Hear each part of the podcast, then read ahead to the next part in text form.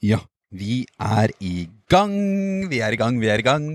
Det har blitt lørdag, det er 32 grader i vannet, sola skinner, og det er stille og fint på bølgene blå et eller annet sted. Hvor langt utafor USA er vi nå, Kristoffer?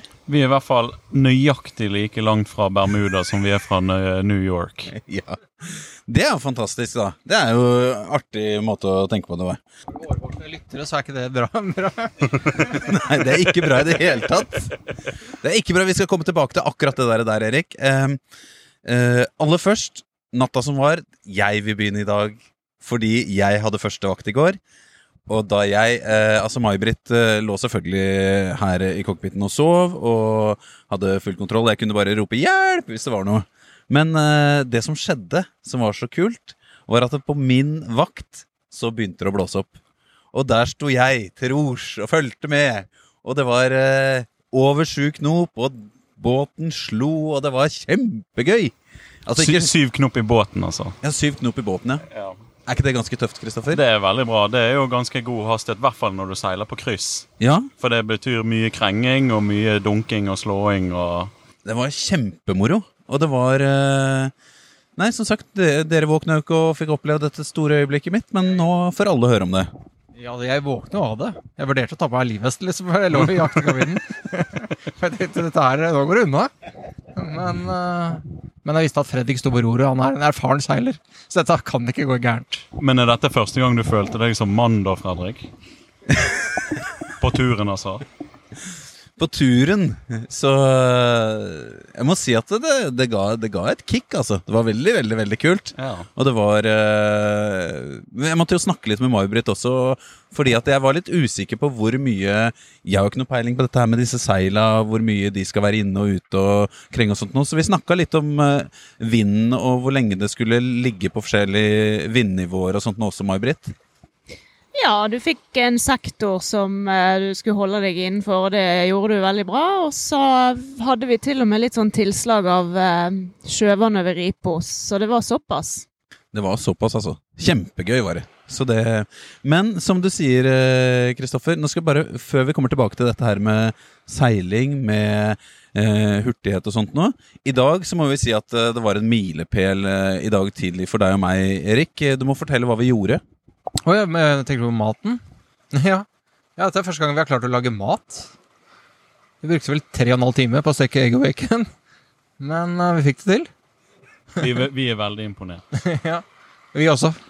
Her for alt sklir jo fra side til side, og du må holde fast og prøve å steke samtidig. Det er helt uh, umulig å beskrive. For å, for å skildre litt, da, som, siden vi begynte med det i går, så uh, ligger jo vi eh, mellom 15 og 25 graders helning. Og det å ha en glatt overflate og prøve å bruke en plastikkskål og mikse eggerøre kan være utfordrende. Noe som vi får høre i effektene fra Fredrik i, ved Oi! Det kommer så veldig sånn kilevink-bølger. Du, eh, altså, når du ser på bevegelsene til Erik og meg altså det, Jeg vil si at vi ser ut som to 90-åringer her vi beveger oss rundt. Altså. Eh, Det blir jo bedre og bedre, da. Det har jo blitt det. Jeg har sett 90-åringer som beveger seg bedre. Ja, det er jeg grunnen enig med deg i. Det, ref hun som eh, denne båten er Ref Reft etter. tante Sola, ja. Som vi får komme tilbake til i senere episode. Men det er eh, en det skal vi gjøre. for seg sjøl. Det er, en, eh, det er mange historier for seg selv. Men eh, vi snakka også litt før vi gikk på her at det, det har kanskje vært en elefant i rommet, har Erik og jeg tenkt. Eh, men så sier dere det er jo ikke en elefant i rommet, det er bare sånn det er. Greia er Vi tar med alle lytterne på regnestykket. Greia er 27. mai. Det er deadlinen til Erik og meg for å komme til Azorene. I dag er vi på 6. mai. Eh, og vi er ikke kommet så langt som det vi eh, hadde trodd, noen av oss, eh, på vei til Bermuda. Vi tror Eller det er så vanskelig det her med tro til sjøs. Vi tror kanskje at vi er på Bermuda på onsdag eller torsdag, stemmer ikke det, Kristoffer? Ja, vi håper. Vi håper. Ja. Og da er vi da, eh, hvis vi lett hoderegning da, det er eh, fire dager fra nå, så er jo det tiende. Kanskje ellevte, kanskje tolvte eller trettende. Vi vet ikke. Og så hvor lang tid eh, håper man å bruke over til eh, Azorene? Nei, der er kanskje du bedre, May-Britt. Altså, mitt håp eh, er jo at vi skal klare å holde en gjennomsnittsfart på fem knop, og da blir det 13-14 dager. Ja. Det er på håret, det, Erik. ja, det, det er det jo. Men uh, vi vet jo ikke så mye med- Ting snur jo fort på sjøen. Men, uh, men uh, ja, vi får bare ta tiden eh, og se hva som skjer. Men det er god stemning om bord.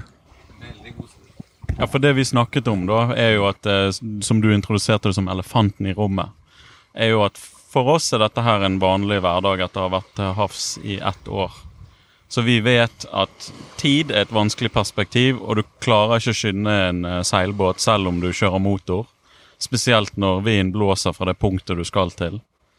Så dette er bare sånn som det er. Og meg og May-Britt, vi, vi klarer turen hjem, men det er utrolig mye mer hyggelig å, å ha dere med. Og ikke minst dette med denne podkasten er hyggelig. Noe vi gjør hver dag. Absolutt. Absolutt. Og så eh, syns jeg òg at eh, eh, Det at man har den luksusen at dere hjelper eh, at, Siden vi er fire som får dele på sovingen, da, så sover vi åtte til ti timer hver, hvert døgn. Det er jo kjempeluksus. Det er kjempedeilig. Det er kjempedeilig Og Erik har jo vært oppe i en 16-17 timer i døgnet i starten. Han er, jo- han er jo på en måte blitt kjøteren om bord. ja, ikke sover ikke hunder 14 til 16 timer? Men hvem er det som styrer båten når du sover, Kristoffer? Jeg bare spør. Ja, nei, jeg klager ikke. Jeg, bare, jeg er veldig glad for at jeg får sove. Men derfor, kjære lyttere, så er dette altså i ferd med å utvikle seg til en spenningspodkast.